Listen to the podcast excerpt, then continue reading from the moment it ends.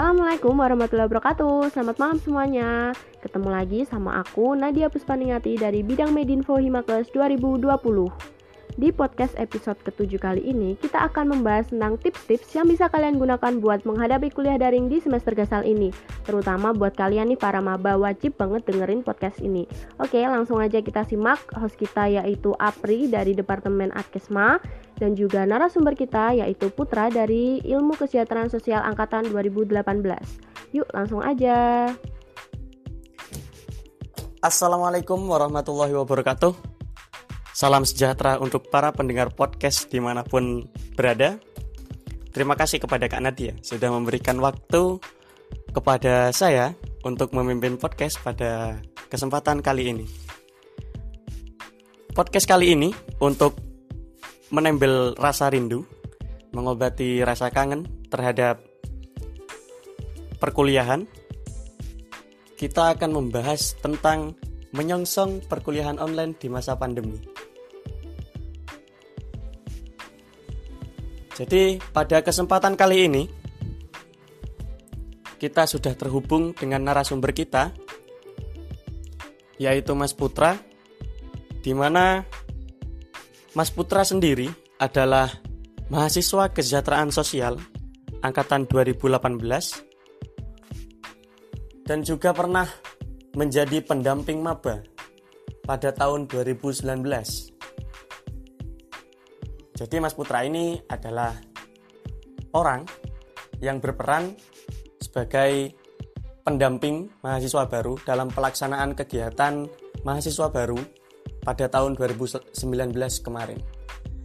Oke, tanpa lama-lama lagi kita bergabung dengan Mas Putra yang sudah bersama kita. Kita sudah tersambung dengan narasumber yaitu Mas Putra. Apa kabar Mas Putra? Alhamdulillah baik sekali untuk hari ini Adik Apri Oke jadi pada kesempatan podcast kali ini kita akan membahas tentang menyongsong kuliah online bagi para maba Nah mungkin eh, kabarnya kemarin selama satu semester Mas Putra melaksanakan kuliah online bagaimana Mas Putra? Ya untuk satu semester kemarin karena memang kondisi dan situasi yang mengharuskan untuk kita melaksanakan kuliah online ya memang perlu banyak adaptasi ya deh ya karena sebelumnya kita kuliah tatap muka terus tiba-tiba harus dengan budaya baru kita kita harus kuliah online memang perlu adaptasi yang kita lakukan seperti itu oke nih ngomong tentang adaptasi nih kan kita juga harus meningkatkan semangat dalam pelaksanaan kuliah online nantinya. Untuk meningkatkan semangat dalam pelaksanaan kuliah online gimana sih Mas? Untuk meningkatkan semangat dalam kuliah online kalau sedikit menurut saya dan juga untuk teman-teman mahasiswa baru yang baru bergabung uh, dengan kita dengan jurusan ilmu kesejahteraan sosial mungkin ada beberapa hal yang harus teman-teman maba perhatikan. Yang pertama untuk uh, dalam kuliah online ini teman-teman yang tadi saya bilang itu adalah adaptasi. Teman-teman dari angkatan 2020 yang baru bergabung ini itu harus segera uh, melakukan adaptasi dengan cepat. Karena apa? Uh, perubahan dari kondisi dan situasi dari perkuliahan daring yang sebelumnya kita perkuliahan tatap muka itu harus segera kita uh, adaptasi dengan baik. Kalau enggak, kita nanti akan uh, kesulitan dalam melakukan perkuliahan seperti itu. Yang kedua, teman-teman itu juga harus memiliki uh, motivasi tinggi. Karena apa? Yang masuk ke jurusan KS, jurusan kita ini itu dari ribuan orang seluruh Indonesia dan teman-teman yang terpilih dari SNMPTN, SBMPTN hingga ke SBM PTBR itu adalah uh, hanya kisaran ratusan orang saja. Jadi teman-teman itu harus memiliki motivasi tidak semua uh, anak atau siswa di Indonesia memiliki kesempatan untuk masuk kuliah di jurusan KS UNED ini. Jadi motivasi itu harus teman-teman punyai Jadi kesempatan ini jangan teman-teman siakan walaupun dengan keadaan dan kondisi yang seperti ini. Itu pasti banyak jalan untuk kita uh, lakukan. Seperti itu sih, Dek. Oke. Temannya Mas Putra nih. BTW tahun kemarin kan menjadi pendamping maba nih, Mas. Untuk gambarannya bagaimana sih Mas kemarin sebelum adanya pandemi ini kegiatan-kegiatan mahasiswa baru yang dilaksanakan oleh Himakes ini Mas?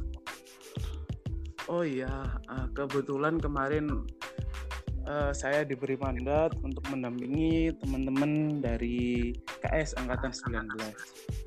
Jadi memang karena kemarin belum ada pandemi, jadi sebelum pandemi itu sebenarnya kegiatan dari teman-teman mahasiswa baru itu memang rangkaiannya cukup padat ya untuk di semester pertama. Jadi teman-teman setelah melakukan registrasi, setelah dinyatakan lulus dan juga masuk di uh, jurusan KS, teman-teman harus melalui tahapan-tahapan dalam yang saya bilang tadi melakukan adaptasi perubahan dari yang sebelumnya siswa menjadi mahasiswa. Dari yang sebelumnya uh, di SMA atau SMK sederajat beralih ke universitas. Mungkin tahap-tahapannya itu saya bagi menjadi tiga ya teman-teman. Jadi itu ada di tahapan pertama itu di teman-teman ketika masih belum pandemi seperti ini memang harusnya melakukan PK2 akan diadakan PK2 atau lebih trennya itu ospek universitas.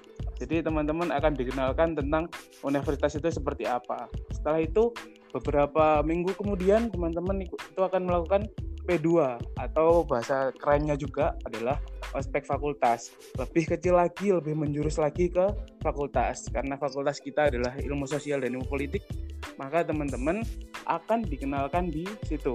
Dan yang terakhir, teman-teman nanti juga akan uh, menjalani yang namanya ospek jurusan. Jurusan kita kesejahteraan sosial.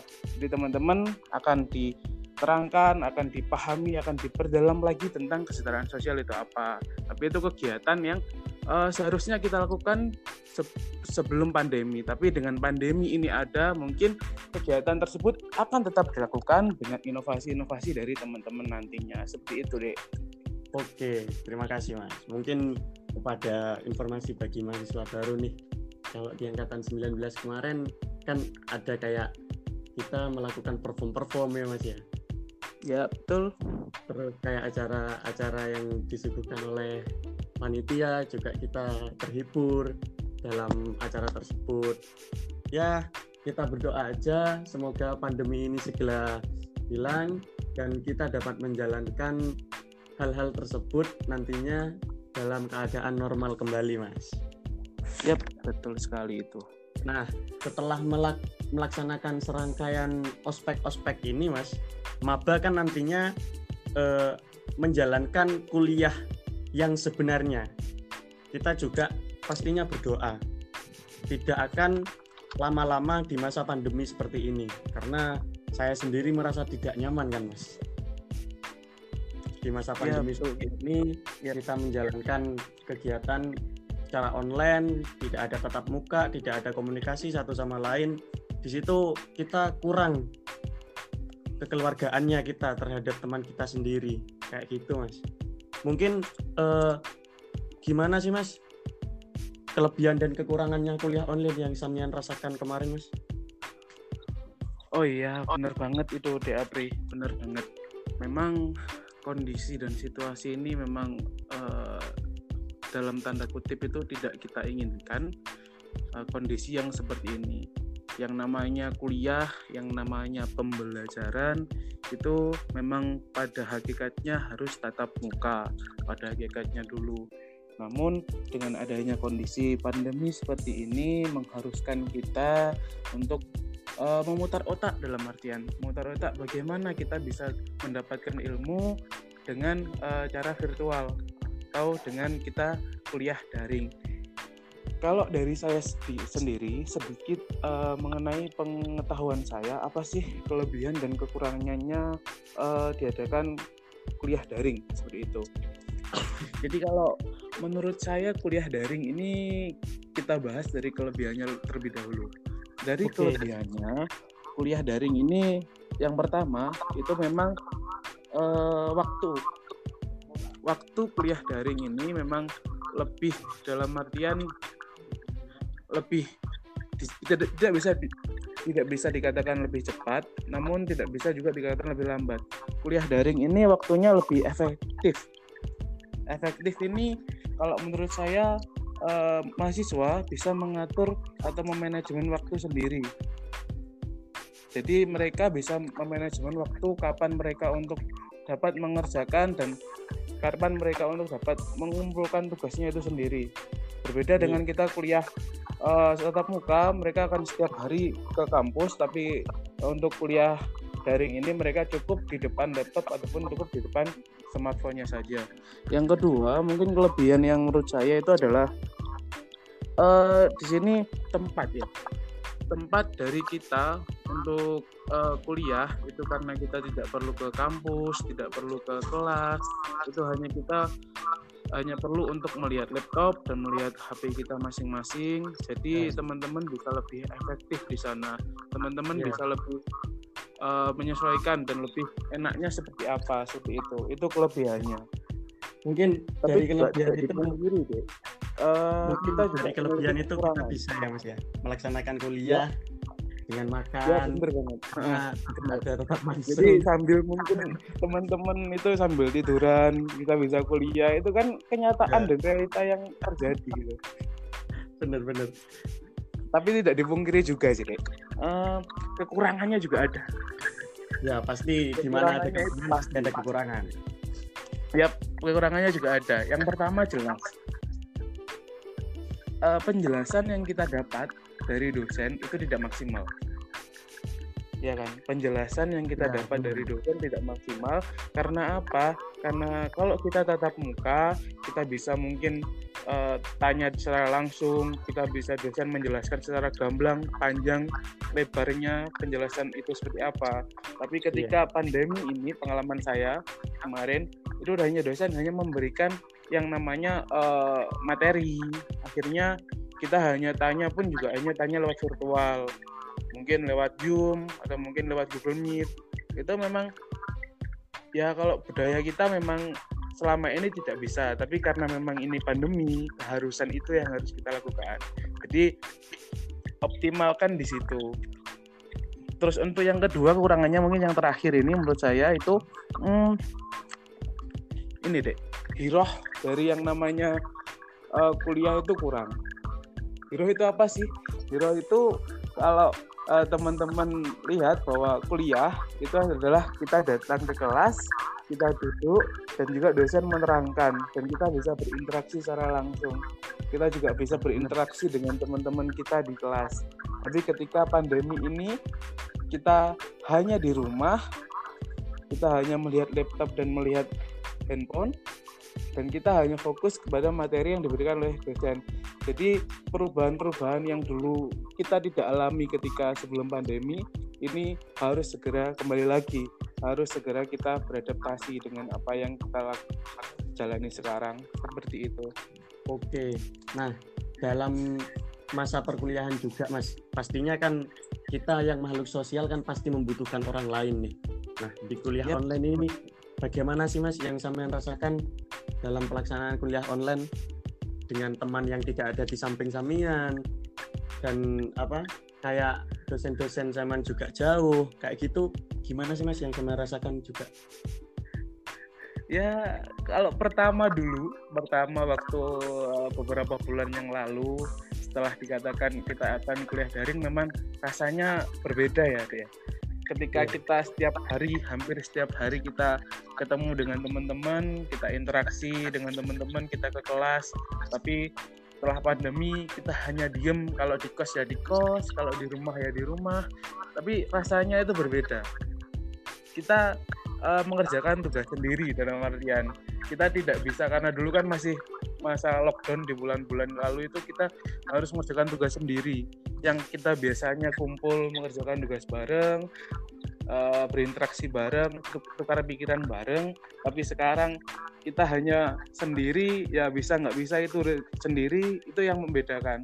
Jadi uh, lebih ke akhirnya kita itu sadar bahwa kita punya tanggung jawab yang harus diselesaikan dan kita seperti dalam artian itu kita seperti burung yang ada di sangkar. Kita harus melakukannya dengan sendiri tanpa ada teman-teman kita. Seperti itu sih perbedaannya seperti itu. Nah untuk uh, ngomong-ngomong tentang yang lalu-lalu nih. Yep. kan mm-hmm. barusan bilang kalau kalau di kampus itu melaksanakan tugas bertukar pikiran itu pastinya dengan teman gimana sih mas? Tempat yang samian biasanya eh, tempati untuk seperti itu? Mungkin kepada kepada maba nih yang banyak kurang tahu tentang fisik kita beri gambaran nih. Yap oke okay, oke. Okay. jadi untuk teman-teman mahasiswa baru semuanya yang baru bergabung ke jurusan kita terutama yang baru bergabung ke FISIP itu uh, kalau saya pribadi nanti enak untuk kita bertukar pikiran adalah di TSW TSW itu ada kepanjangannya apa TSW itu jadi oh. di visip itu ada tempat yang menurut saya paling enak untuk kita bertukar pikiran untuk enak untuk kita berinteraksi dengan teman-teman yaitu di TSW itu kalau saya sih di situ deh Oke, jadi itu sebelum pandemi ya, Mas. Tapi setelah pandemi sebelum ini pandemi, dunia berubah. ya, berubah banget. Kita seperti kehilangan avatar ya. nah, mungkin dari kekurangan-kekurangan tadi yang dijelaskan oleh Mas Putra nih, yang menjadi hambatannya Mas Putra selama pelaksanaan kuliah daring apa sih, Mas?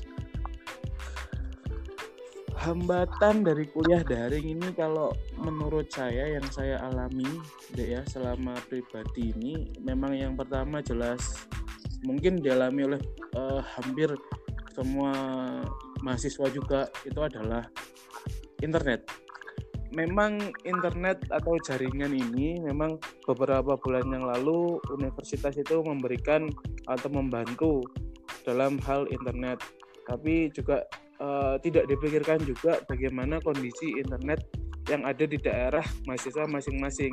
Yang terkadang juga itu sinyalnya tidak mendukung dan jaringannya juga tidak mendukung. Dan akhirnya itu berpengaruh kepada ketika teman-teman melaksanakan kuliah. Kadang tiba-tiba uh, kuliah sedang zoom atau kuliah sedang dengan dosen itu sedang Google Meet itu tiba-tiba terputus jaringannya seperti itu. Untuk yang kedua mungkin selain internet itu adalah um, minimnya penjelasan dari uh, dosen. Memang itu memang terjadi beberapa saat yang lalu, awal yang lalu, karena memang semua dosen juga sedang beradaptasi, jadi masih kurang penjelasannya. Tapi dengan seiring berjalan waktu sekarang ini, uh, dosen juga sudah bisa untuk beradaptasi, sudah bisa untuk mengetahui bagaimana caranya kuliah daring ini lama kelamaan kita juga terbiasa akhirnya dengan Google Meet, dengan Zoom, dengan dosen untuk menjelaskan materi yang dibawakan. Oke. BTW nih tentang eh, apa? Tentang pelaksanaan secara daring juga. Pastinya kemarin dalam melaksanakan kuliah daring dengan minimnya penjelasan gimana sih Mas itu mengerjakan tugasnya terus eh, pandangan-pandangannya jika Mas itu benar-benar buntu dalam penyelesaian tugas tersebut dalam pelaksanaan daring ini gimana Mas? Oh iya, iya.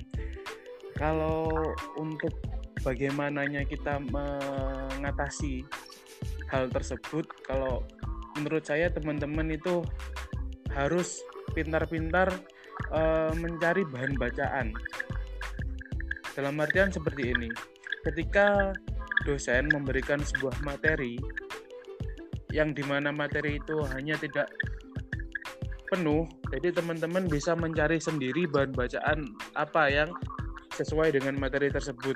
Jadi untuk mengatasi ketika kemarin itu minimnya materi yang diberikan, kita bisa mencari, memutar otak untuk kita mencari bahan bacaan yang sesuai sehingga itu bisa tertutupi gitu kalau dari saran aku untuk teman-teman. Oke tentang tugas tentang kuliah online itu pasti ada kekurangan dan hambatan juga ya mas ya. Nah, ya benar uh, mungkin dalam hal tersebut sudah sedikit diberikan wawasan bagaimana caranya nanti pelaksanaan kuliah online. Terus dalam mempersiapkan kuliah online ini Mas, bagaimana untuk para maba nantinya agar lancar jaya melaksanakan kuliah online yang akan dilaksanakan oleh maba. Seperti itu, Mas. Oke, menarik ini, menarik. Jadi untuk teman-teman mahasiswa baru kesejahteraan sosial angkatan 2020 yang baru bergabung dengan kita di ilmu kesejahteraan sosial FISIP UNED dan dengan kondisi yang seperti ini teman-teman bisa melaksanakan kegiatan atau teman-teman bisa mempersiapkan apa saja nantinya ketika insya Allah bulan September teman-teman sudah akan melaksanakan kuliah dan insya Allah juga kuliahnya juga akan daring teman-teman bisa memulai dari sekarang. Yang pertama adalah teman-teman uh, sekali lagi teman-teman tingkatkan motivasi teman-teman. Ketika teman-teman meningkatkan motivasi bahwa ini adalah uh, rezeki yang diberikan oleh Tuhan teman-teman bisa kuliah di jurusan KS di UNED ini maka teman-teman akan uh, memiliki semangat tinggi untuk kuliah walaupun dengan kondisi yang uh, seperti ini. Yang kedua jelas teman-teman juga harus sering tanya-tanya kepada kakak tingkat. Jangan sungkan untuk teman-teman tanya. Nah betul tuh yang terpenting seperti itu. Jangan sungkan untuk teman tanya apa hal yang hal apa yang uh, dipelajari di KS ya itu